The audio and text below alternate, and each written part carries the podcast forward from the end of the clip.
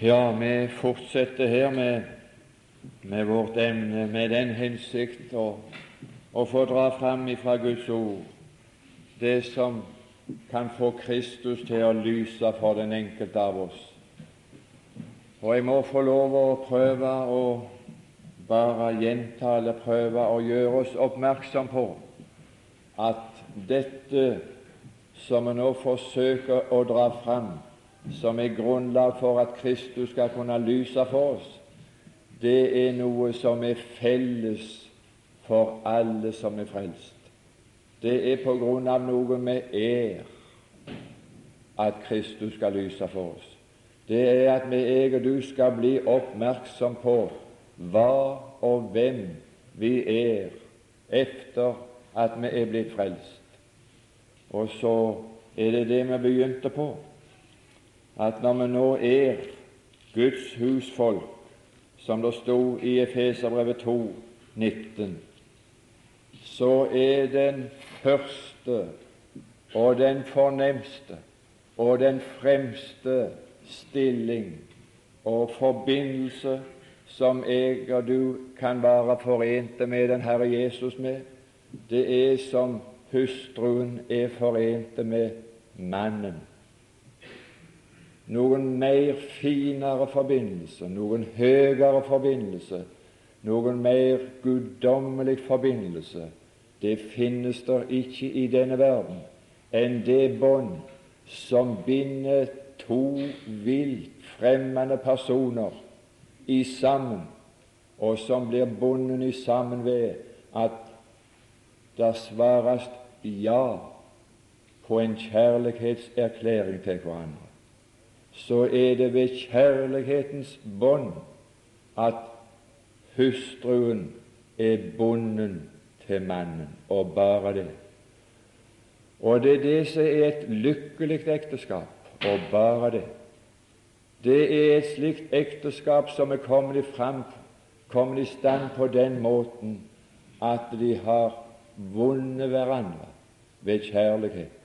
Og siden vi er så mange unge, samla her, så kunne en nå få gjenta den oppskriften som det står i Skriften, når du har tenkt på en sånn, å inngå en sånn forbindelse i dette livet. Enhver av eder vet å vinne seg sin egen make. Vinne seg.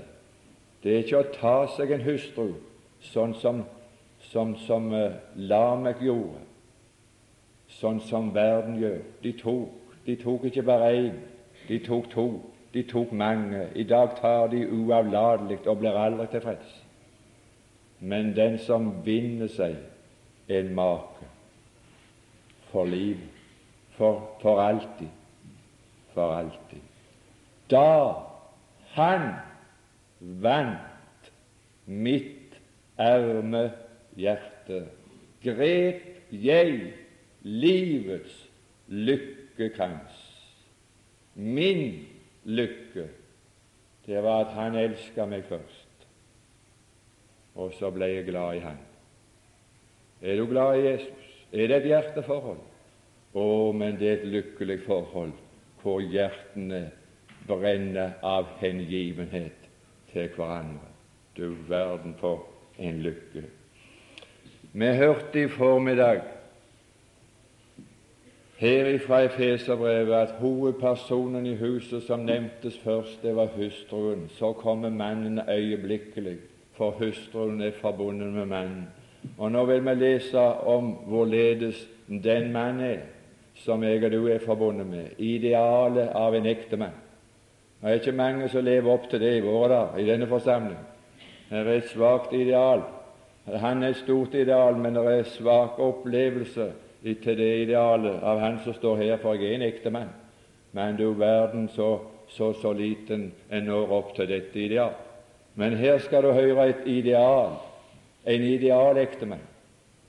Og så skal du høre om et idealhus, et ideelt forhold som det er i Guds hus imellom menigheten og mann Kristus. Å, men det er lut Der er det vidunderlig. Der er det herlig å leve. Der er det godt å vokse opp, Hode. Ja, der er det godt å være på alle vis. Vi leser fra vers 25.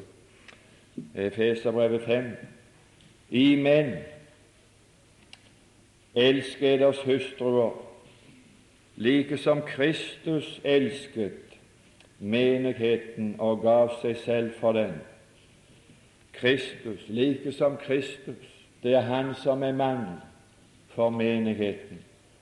Og jeg hadde lyst bare å nevne et par ting fra første Korintiabrev om mannen. Fra det ellevte kapittel og det sjuende vers. Første Korintiabrev elleve og det sjuende vers. For en mann skal ikke tildekke sitt hode, eftersom han er Guds bilde og ære men kvinnen er mannens ære. Mannen ble jo heller ikke skapt for kvinnens skyld, men kvinnen for mannens skyld. Og for meg så finner jeg at den djupere mening som ligger under her, den får først en djup og god mening når jeg tenker på Kristus og menigheten. Og du store min, menigheten er skapt for Kristi skyld. Det er der som det kom inn. Kvinnen, menigheten, er skapt for Kristi skyld. Og mannen, han er Guds bilde, og han er Guds ære. Det er Kristus som er Guds bilde, og det er Kristus som er Guds ære. Og når det da stod at mannen av den grunn, fordi han var Guds bilde og ære, så måtte hans hode ikke tildekkes. En dypere mening som ligger under, en kolossal, djup betydning som ligger under i dette uttrykket. Og jeg vil forsøke så langt som det er meg mulig i denne stund, å dra fram noe som jeg har fått øye for, som jeg må sørge for i mitt liv og i min virksomhet, i mine anledninger, når jeg skal love å, å tale om Kristus. Det er noe i forbindelse med Kristus som ikke må tildekkes. Det er noe i hovedpersonen, det er noe i forbindelse med Kristus som er menighetens hode, som ikke må tildekkes. For hvis dette, vårt hode, tildekkes, så blir mannen vanære. Så blir Kristus vanære. Men Kristus blir æret når hans hode ikke er tildekket. Og nå skal vi forsøke å gi den Herre Jesus ære ved å holde hans hode, i denne stund iallfall, avdekka og ikke tildekka. Den første, den første ting i forbindelse med den Herre Jesus som vårt hode som ikke må tildekkes, det nevnes allerede først. Elsk. Elsk like som Kristus elsket. Kristus elsket menigheten. Det må, det må ikke tildekkes eller så vanæres Kristus. Det må aldri tildekkes i min bevissthet, i min omgang med Herren, at Han elsker meg. For hvis det blir tildekket, så blir Kristus vanæret. For Hans ære består i at Han elsker meg. Han elsker meg, og Han elsker enhver. Det var ikke bare slik at, at Han elsker eder like som Kristus elsket eder, står det i det femte kapittel. Og det andre vers elsket denne verden og elsket mennesker i all sin alminnelighet. Men Galaterbrevet 22 trekker det nærmere, og så står det Han elsket meg. Det må aldri tildekkes. Det er ikke jeg som blir vanæra om det blir tildekket, men Kristus blir vanæra hvis dette mitt hode blir tildekket. Han elsket meg og gav seg selv for meg. Det er ei sangstrofe i ei av sangene våre, disse dyrebare klenodier som vi har fått. Der står det et uttrykk så fullstendig dekker all min oppfatning, som jeg forsøker å gi uttrykk til Herren for i mitt liv i sammen. Jeg tror det, Jesus. Jeg tror det. Skjønt jeg fatter ei at du elsker syndere som meg. Det blir aldri en selvsagte ting i mitt liv. Du hørte vår kjære venn ifra Sørlandet, som begynte møtet vårt i går kveld, som kom med en sånn kjærlighetserklæring til Mefiboset at det var spørsmål etter hans navn i en eneste hensikt. Er det noen igjen så jeg kan gjøre vel imot ham, så jeg kan gjøre Guds miskunnhet imot ham. Og så svarte han, hva er jeg? En død hund, at dine øyne har falt på meg. Er det lett for deg å synge om at Jesus er glad i deg?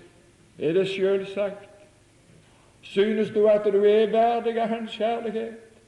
Synes du at det var det du venta å høre, at han var glad i deg slik som du er? Jeg tror det, skjønt jeg fatter ei. Han elsker, han elsker. Det må aldri tildekkes. Han elsker syndere som meg. At han elsket meg før, det hadde jeg tro på. Men det har vært problemer med å kunne tro at Han elsker meg nå. Det må ikke tildekkes, for da blir hodet, Kristus, mannen, blir vanæra. Han elsker. Han elsker meg. Å, for en mann! For en mann som elsker meg, til tross for at jeg ikke fortjener hans kjærlighet på tross av det jeg er. Han elsker meg. Han elsker sånne som meg. Å, å, for en mann! For en mann! Han har vunnet mitt hjertes hengivenhet. Jeg elsker han igjen. Altså Noen som snakker om at de var mer glad i Herren når de var nyfrelste, det kan jeg aldri si. Jeg er mer glad i Han i dag enn jeg har vært noen gang før. Og grunnen til det, det er at hodet ikke har blitt tildekket, men at jeg har hørt den sannheten og tro på den sannheten. Han elsker meg. Og jeg er mye mer forundra over at han elsker meg i dag enn han gjorde når jeg var en unge gutt, når han spurte om jeg ville høre ham til. Da var det så frodig, da var det så ungt, da var det så store muligheter. Det var så mange som spurte etter meg. Men når årene går, og jeg visner, og det, det, det blir mindre og mindre verdt etter hvert Han elsker meg. Det må ikke tildekkes. Eller så blir hodet, så blir mannen vanæra. Å, for en mann! For en idealektemann! For et idealforhold! de to skal være ett. Å, når hodet ikke er tildekket, så lyser mannen for hustruen. Ja, du kan være ganske sikker. Ja, ja, det klarer ikke jeg mer å si stort om det, men ifra profeten Hoseas der har jeg et lite trekk om han, og det er et vidunderlig trekk. For en mann! Profeten Hoseas han er Den som kom etter Daniel, han er den første av de små profetene. Det er ikke alltid så lett å finne små profeter. Det er lettere å finne de store, for de stikker seg alltid fram. Men de små må du alltid lete etter, sjøl i Bibelen. Hoseas, den første av de små i rekkefølge, og det tolvte kapittel, og der står i det trettende vers Og det var om en som i sitt forhold og i sitt liv ble et forbilde på den Herre Jesus. Jakob flyktet til Arams land. Det var til Mesopotamia. Israel tjente for å vinne en hustru. For å vinne en hustru voktet han for den mest foraktede oppgave en jøde kunne ta på seg å bli fårehyrde. For å vinne seg en hustru så steg han så lavt ned at han endog tok på seg å vokte sauer, bare for å vinne Rakel til hustru som han var glad i. Å, men den Herre Jesus lyser for meg. For å vinne meg til hustru, så tok han på seg den fornedrelsen som han bar her i 33 år, for å vinne seg en hustru. For en mann, for en vidunderlig mann. Han er min glede. Han er min sang. Han vil jeg prise livsdagen lang. Han er min brudgom, jeg er hans brud. Å, herlighet, jeg er på vei hjem til bryllup. Ja, vi er på vei hjem til bryllup. Ja, det er noe. Da lyser det. Det andre her står Kristus elsket menigheten og gav og han gav seg selv for dem. Kjærligheten har ingen annen måte å, uttrykke seg på enn ved å gi. Og når størrelsen av kjærligheten skal avleses, så kan han ofte avleses i gaver. Men her er spørsmål hva var det Jesus ga? Hva var det han ga når han skulle gi? Når han skulle gi deg en gave som skulle uttrykke at han var glad i deg, gav han av sin overflod. Gav han deg ekstraordinære ting så du skulle bli oppmerksom på å se den fine ringen der, altså. Se det der, der så, så jeg kan briljere med.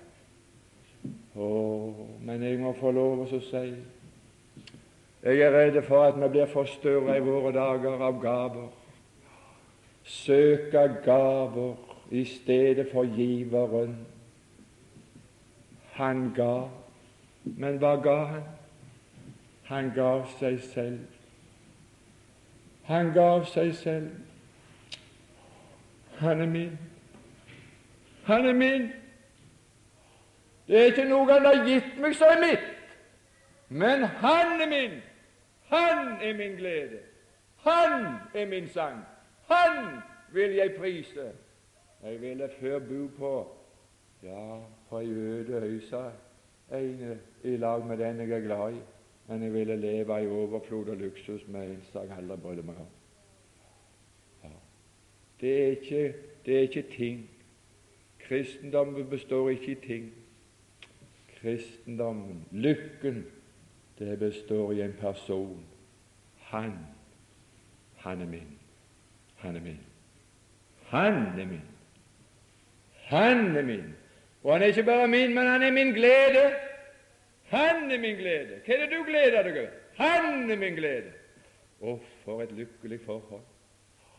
Å, la meg få det. Jeg har så lyst på en bil. Jeg har så lyst på en ny, nye salong. Nytt ditt eller datt. Nei, han, han er min glede. For et lykkelig ekteskap. Å, herlighet for et lykkelig ekteskap som ikke består i å få nye ting, men å beholde samme mann. Beholde samme mann. Å nei, du store, men jeg må få lov å si at det menneskelige så er det i alle andre forhold i livet så blir vi trøtte og leie av hverandre. Ja, fremmede folk kan du sette pris på en stund i huset, men du før eller senere har de ikke tenkt å reise. Kjære folk, altså, det var ikke det jeg mente, at de skulle være her alltid.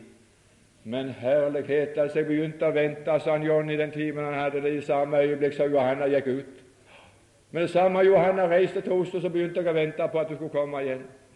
Å, forholdet mellom mann og hustru ett den som holder seg til Herren, er én ånd med ham. Det er åndelighet, det er åndsfylde, det er saker og ting. Å, for et lykkelig liv! For en lykkelig kristen som har lys over de spørsmålene. Så slipper du å søke. 'Jesus, har du mer å gi?' 'Jeg har gitt meg sjøl.' 'Ah, har du gitt deg sjøl?' 'Har jeg fått deg?' Han gav meg seg selv, og nå eier jeg alt. Han gav meg seg selv, og nå eier jeg alt. For en ektemann! For et ideal av et ektemann! For et ideal av et forhold! Lykkelig forhold! Her kan ikke lovprise han opp. Ja, han gav seg selv. Det skal ikke Det står noe mer der, men det får bare være der. Han gav seg selv for den som et offer og til en velbehagelig duft for Gud. Men så står det i 26. vers å nei, du store min. Ja, du store min. Dette er praktiske saker. Det er noe som alle her forstår. Og det er så lett å forstå. Ja, det er så godt at Gud Ja, før Gud skrev Bibelen, før Han overhodet skrev et ord, så talte Gud i natur. Så talte Han i skapelse, og så talte Han i alle naturlige forhold. Fordi Han hadde bruk for skaperverket til å illustrere det han senere skulle si. Og når han skulle fortelle om disse våre forbindelser med Herren, så kunne han gå tilbake til skapelsen og til skapelsen av mann og kvinne, og til den forening som oppsto av to vidt forskjellige personer som danna en enhet. Så skal du høre hvorledes det gikk for seg. Han gav seg selv for den for å hellige dem. Og ordet 'hellige' det betyr, uten at dette er noen fortolkning, men det betyr noe som alle er enige om at det betyr. Det er ikke noe jeg sier det betyr. Men å hellige den, det betyr å utskille den. Og den dagen jeg ble glad i mi kone, og mi kone ble glad i meg, så var hun utskilt så var hun tapt for de andre. Ja, så var hun tapt for de andre. Ikke sant? Og jeg var tapt for de andre. Utskilt. Når mannen elsker og får ja, så blir vedkommende som sier ja, utskilt. Utskilt. Ja, så er det ikke på flyet lenger. Så er det ikke på flyet lenger så flyr de ikke lenger som de flydde før. Skal du ikke ut i kveld, sa han far. Jeg hadde jo vært aldeles håpløs til å slenge om kveldene. Og han ville skulle, vi hadde gard, og så skulle vi jobbe. Onsdag så fløy han, vet du, og lørdag vil jeg ikke snakke om. Men det ble ikke bare onsdag og lørdag, det fløy mest et halve tid om kvelden. Og så ble det slutt. Skal du ikke ut i kveld? Å nei. Skal du ikke fly lenger? Nei, jeg skulle ikke fly lenger. Var slutt.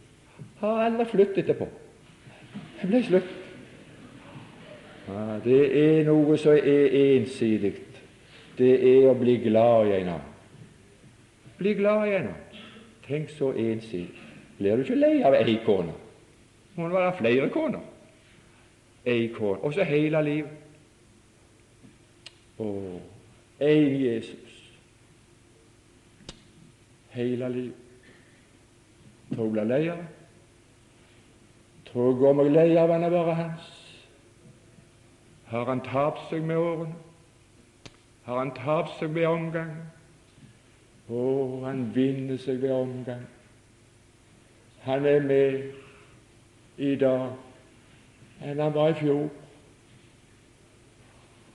Utskilt, tapt for alle de andre. Her kommer, før kurset slutt, hvis Herren tillater å legge det til rettes, en advarsel om troløshet. Det er ikke bare i det alminnelige ekteskap det er troløshet som kalles for hor. Det er noe som kalles for åndelig hor. Åndelig troløshet. Den som holder seg til Det er et sterkt uttrykk. Den som holder seg til Herren, er én ånd med Ham.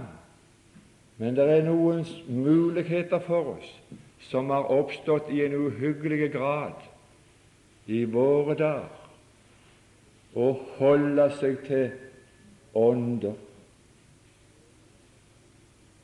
Å holde seg til ånder, da driver du åndelig hor.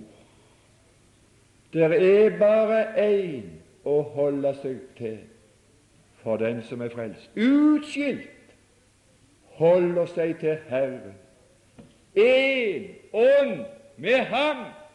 Pass deg og søke samfunn med ånder i innbilning av at det var noen gode ånder, i innbilning av at det var noen guddommelige ånder som kunne gi deg noen guddommelige tilfredsstillelser og utskeielser.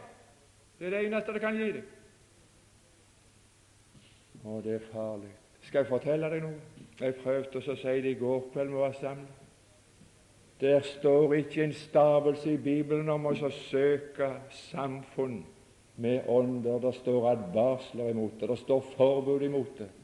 Og det står ikke en stavelse om at du skal søke samfunn med Den hellige ånd. Det skal du slippe. I det øyeblikk at du ble frelst, den som hører mitt ord og tror, han har fått Den hellige ånd til pant og til innsegn. Og Den hellige ånd i den velsignelse som ofte blir lyst over forsamlingen, eller bitt over forsamlingen ved avslutningen av våre samvær, så leser vi Den hellige ånds samfunn være med eder alle, så hører Herren til. Det er Den hellige ånd som Gud har sendt til å søke og pleie samfunn med oss. Men jeg skal ikke søke og pleie samfunn med ånder, ei heller med Den hellige ånd. Det skal Den hellige ånd sørge for å pleie samfunnet med. Hvis jeg søker samfunn med ånd, så kan jeg komme til å drive åndelig hor. Og det er grufullt farlig, og det er en grufull synd. Det er en maksimale synd, og den begynner vi å få merke i en uhyggelig grad i vår tid. Vi kommer nærmere inn på det kanskje senere. Så står det som det fjerde i det når han eh, utskilte menigheten, og når han utskiller den enkelte som en brud for seg sjøl, så gjorde han det i det, i det han renset den ved vannbadet i Ordet. Når vi blir utskilt, så er det et middel som Herren utskiller oss ved. Det er et frelsesmiddel. Det er et renselsesmiddel å rense oss ifra vår verslighet og syndighet, og så få oss frelst og rensa det står i Titus brev, det er tredje kapittel, bare for å nevne det, og vi skal gå bare fort forbi det. Men der står da Han frelste oss, da frelste Han oss. Og så står det noe som bare kan gjelde voksne mennesker, som aldri kan gjelde barn.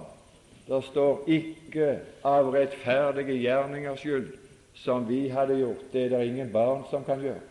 Og Derfor var det ingen begrunnelse for, og så nekta de det. For det var ikke fare for at de hadde gjort noen rettferdige gjerninger. Men voksne mennesker, de kunne gjøre noen rettferdige gjerninger. Men det var ikke for rettferdige gjerningers skyld som vi hadde gjort når Han frelste oss, men det var ved Guds miskunn.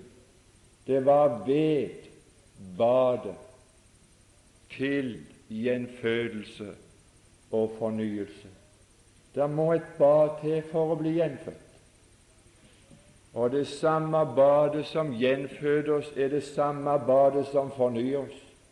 Og det er vannbadet i ordet. Å, der ble overrisla ord ved hvilke vi kan bli frelst ved. Og så hørte jeg så mye av disse ordene, og ved troen på disse ordene så var jeg utskilt, så var jeg renset. Han renset våre hjerter ved troen på evangeliet. Evangeliet om at Herren Jesu Kristus ved sitt blod har renset oss ifra all synd. Noe annet bad enn å bli bada ved vannbad i jorden til renselse og frelselse. Det, det, det, det har ingen, ingen brodd imot noen dåp, verken barnedåp eller voksendåp. Jeg har ikke sagt et ord om det. Jeg har sagt bare et ord om det middel som Gud bruker når et menneske skal bli frelst. Det er ved Ordet. Det er ved det levende ord. Det middelet kan ikke forbedres. Det kan ikke forenkles. Det kan ikke noe annet enn forkludres. Han talte Ordet og ved at de hørte ordet, så opplot Herren Lydias hjerte, og så gav hun akt på det som ble talt. Så var hun frelst. Han renset våre hjerter ved troen på det ord. Jeg kan ikke si mer om det, for det var ikke det som ligger på vårt emne heller nå. Og jeg må få lov å sitere iallfall i noe som er unødvendig og det er Johannes evangeliets 13. kapittel, det tiende vers. Å, om jeg og du kunne lære oss å være lydige mot Skriften og søke det som var nødvendig, og slutte med det som var unødvendig. Men jeg og du er på hovet. Vi søker det som ikke er nødvendig, og så lar vi være det som er nødvendig. Det står noe her i Johannes evangelis 13. kapittel og 10. vers at Jesus sier at den som er badet, han er ren over det hele. Og han trenger ikke til. Han skal ikke bades på nytt igjen. Han skal ikke omvendes på nytt igjen. Han skal ikke gjenfødes på nytt igjen. Han skal ikke gjenfødes gang etter gang. Den som er badet, han er ren over det hele er det mine ord. Kan du bøye deg for dem? Kan du se den sannheten? Kan du gå hjem og takke for den sannheten? At det var således Kristus elska menigheten. Når den sannheten tildekkes, så er det Kristus som blir vanæra. Forstår du det? Forstår du det? Å, du må ikke tildekke hodet og vanære Kristus. Når Han renser, så renser Han oss. Nei, sa Peter. Nei, sa han. Jo, sa Jesus. Nei, ikke bare føttene, Jesus. Nei, det er for lite med føttene. Jeg føler meg så urein. Jeg føler meg så uskikka. Du må ta hele personen om igjen, en gang til. Det var en vanære mot Kristus. Det var vanære. Han tildekker Kristus. For den som er badet, er ren over det hele. Men han trenger noe. Å ja visst trenger han noe. Han trenger til å vaske føttene. Han trenger å vaske sin vandring, rense sin vandring. Kan ikke komme inn på det.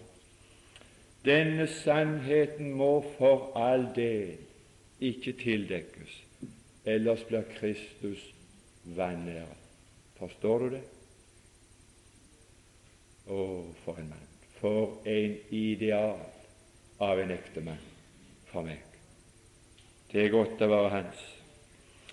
Så står det for det femte han føder sin hustru som sitt eget legeme. Han føder menigheten som sitt eget legeme. Hustruens legeme, det er mannens legeme. Evas legeme, ifra toppen til tå, var Adams legeme. Og Adams legeme ifra toppen til tå var Evas legeme. Mann og hustru. Mannen er ikke herre over sitt eget legeme, og kvinnen er ikke herre over sitt eget legeme. De er hverandres. Mannen eier kvinnens legeme, og kvinnen eier mannens legeme. Forstår du dette? Har du lest dette? Har det gått opp for deg? Det er noe naturlig der, men den dypere mening Å, jeg er hans. Jeg er hans. Og fordi jeg er hans, så står det i det 23. verset av dette kapittel Han som er sitt legemes frelser. Denne sannhet må ikke tildekkes, eller så blir hodet vanære, så blir Kristus vanære. Han er sitt legemes frelser, og et av lemmene på dette Kristi legeme, det er han som står her. Å, han er sitt legemes frelser. Tilbake blir ei noe lem, så når bortrykkelsen blir en realitet og virkeliggjort, så blir det ikke noe lem tilbake, ikke om det var skrøpelig, selv om det ikke var det skrøpeligste. Hørte du Herren til? Hadde du en gang i ditt liv sagt ja til Herren og blitt glad i Han, så hørte du Herren til. Den eneste som blir i forbannelsen, det er den som ikke elsker Herren, han være forbannet. Så det har med hjerteforhold å gjøre. Er du blitt glad i Jesus? Elsker du i Han igjen fordi Han erklærte at Han elsker deg først? Å, Han er min. Jeg skal ikke si mer om det, men Han er forsørger. Han er forsørger for dette legemet. Det er mannen som forsørger hustruen og hele hustruens legeme. Det er mannen som har forsørgelsesbyrden, til tross av at på det naturlige området så er det delt i to i vår tid, og det er bitte lite igjen av det. Vi må lese det ut ifra slik som det var fra begynnelsen. Slik var det ikke fra begynnelsen, sa Jesus at det var sånn og sånn og forfall i det forholdet. I begynnelsen var det slik at mannen han var forsørgeren for kvinnens legeme. Han sørga for alt. Han var en familieforsørger, det var han. Men han var også sin hustrus forsørger. Å, jeg har en mann, en ideal. Et ideal av et forhold hvor det er han som er mannen, og han som sørger for meg. Jeg skal lovprise Han, jeg skal forsøke å holde dette hodet ærefullt, avdekka og unngå å vanære og ribbe for noe av æren. Han har sørget for meg inntil denne stund, og han har sørget så vel. Jeg skal ha ære for det, jeg skal ikke si mer. Men så står det noe Nei, nå, nå begynner det å bli lurt. og nå begynner det å bli trivelig. Så kommer det et uttrykk han varmer. Det er det sværeste. Han varmer sin hustru. Ja, Vi skal prøve oss å si noe som har varmt i vårt hus, og noe som har varmt i mitt forhold til Herren. Kolossenserbrevet 3, 19. Kolossenserbrevet 3, 19. Verden, så varmt det er da. Jeg vet ikke noe, noen ting som kan varme sånn når forholdene er slik. Kolossenserbrevet 3,19.: Elsk eders hustruer, og vær ikke bitter mot dem. Da er det varmt.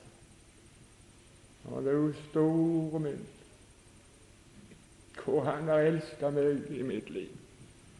Og aldri vært bitter. Det har aldri vært et kjølig forhold fra den kanten aldri vært bitter. Mannen er aldri bitter. Han er en ideal ektemann. Han elsker hustruen, og jeg er en av de han elsker. Og så er han ikke bitter, men du kan tro det varmer meg. Å, men det er varmt. Det må ikke tildekkes. Ellers blir mannen, Kristus, blir ribba for ære. Elsk eders hustruer og vær ikke bitter mot dem. Å, hvor kaldt det blir med bitterhet. Ja, da er det kjølig. Første Peters brev jeg er straks ferdig nå. Det er vondt å bli ferdig, forresten. Jeg må selv. Men det en skal aldri bli ferdig heller. Jeg er glad for Jeg skal aldri bli ferdig med å forkynne Hans studie. Jeg skal aldri bli trøtt av å finne nye sider og lovprise Han for. Han er min glede. Jeg har iakttatt han inntil nå er 52 år, og alt ved ham er livlighet. Kan aldri finne noe så det blir en skygge ved. Alt er en livlighet for meg å være hans. Første Peters brev, det tredje kapittel. Ja, du store menneske. Her er ideal og ønsker å leve opp til. Gud i himmelen gi oss at vi kunne lære noe av Han som er vårt ideal. Første Peter 3, det sjuende vers. Likeså, dere ekte menn, lev med forstand sammen med deres hustruer og jeg må få lov å avlegge det vitnesbyrd om Herren at er det noen som har levd med forstand, så er det Herren. Han lever forstanden.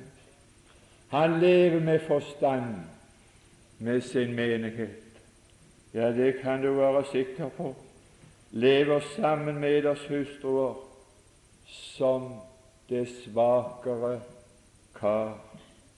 Ja, slik står det. Jeg må bare få lov å spørre deg forstår du dette, her, bror? Forstår du hva det inneholder? Kan du, kan du, se, kan du kjenne, kan du kjenne, kan du i ditt indre hjerte få kjenne hvordan det varmer når du er et svakere kar, og har en mann som er sterk? En som har styrke når du er svak. Å, jeg er et svakere kar i dette forholdet og i denne forbindelse som jeg er kommet i til Herren. Å, men han lyser med sin styrke. Å, men han lyser med det varme at han er sterk når jeg er svak. Jo, det skal jeg si. Og hvilken ektemann kan være visere enn dette når det står 'og vis deg mer, Å, herlige å, herlige deg. Han viser oss ære. Som et svakere kar så viser han oss ære. Hva slags måte er det han kan vise oss ære på den måten? Her det står noe mer. Da de òg Da de òg er medarvinger til livets nåde. For en ære! For en ære han viser meg at jeg er en medarving til livets nåde. Jeg skal ikke si det bitte mer, men jeg tror ikke jeg kan makte å frembringe noe bedre. Jeg vil bare aller sist få lov å gjøre deg oppmerksom på, på det som er slutten for å fremstille. Han har en hensikt for å fremstille menigheten for seg selv. Og når vi kommer der, så skal det være uten plett, og så skal det være uten rynke og uten noe sådan. Tenk når de skinnende porter åpnes for bruden en gang. Tenk når vår Frelser oss favner hjemme i himmelens land. Lyser Kristus for deg. Han kommer snart. Min kjære venn, og henter meg til himmelen, Herre Jesus. Vi kan bare tilbe deg, vi kan bare ganske enkelt si deg takk. Takk at også jeg fikk være med. Amen.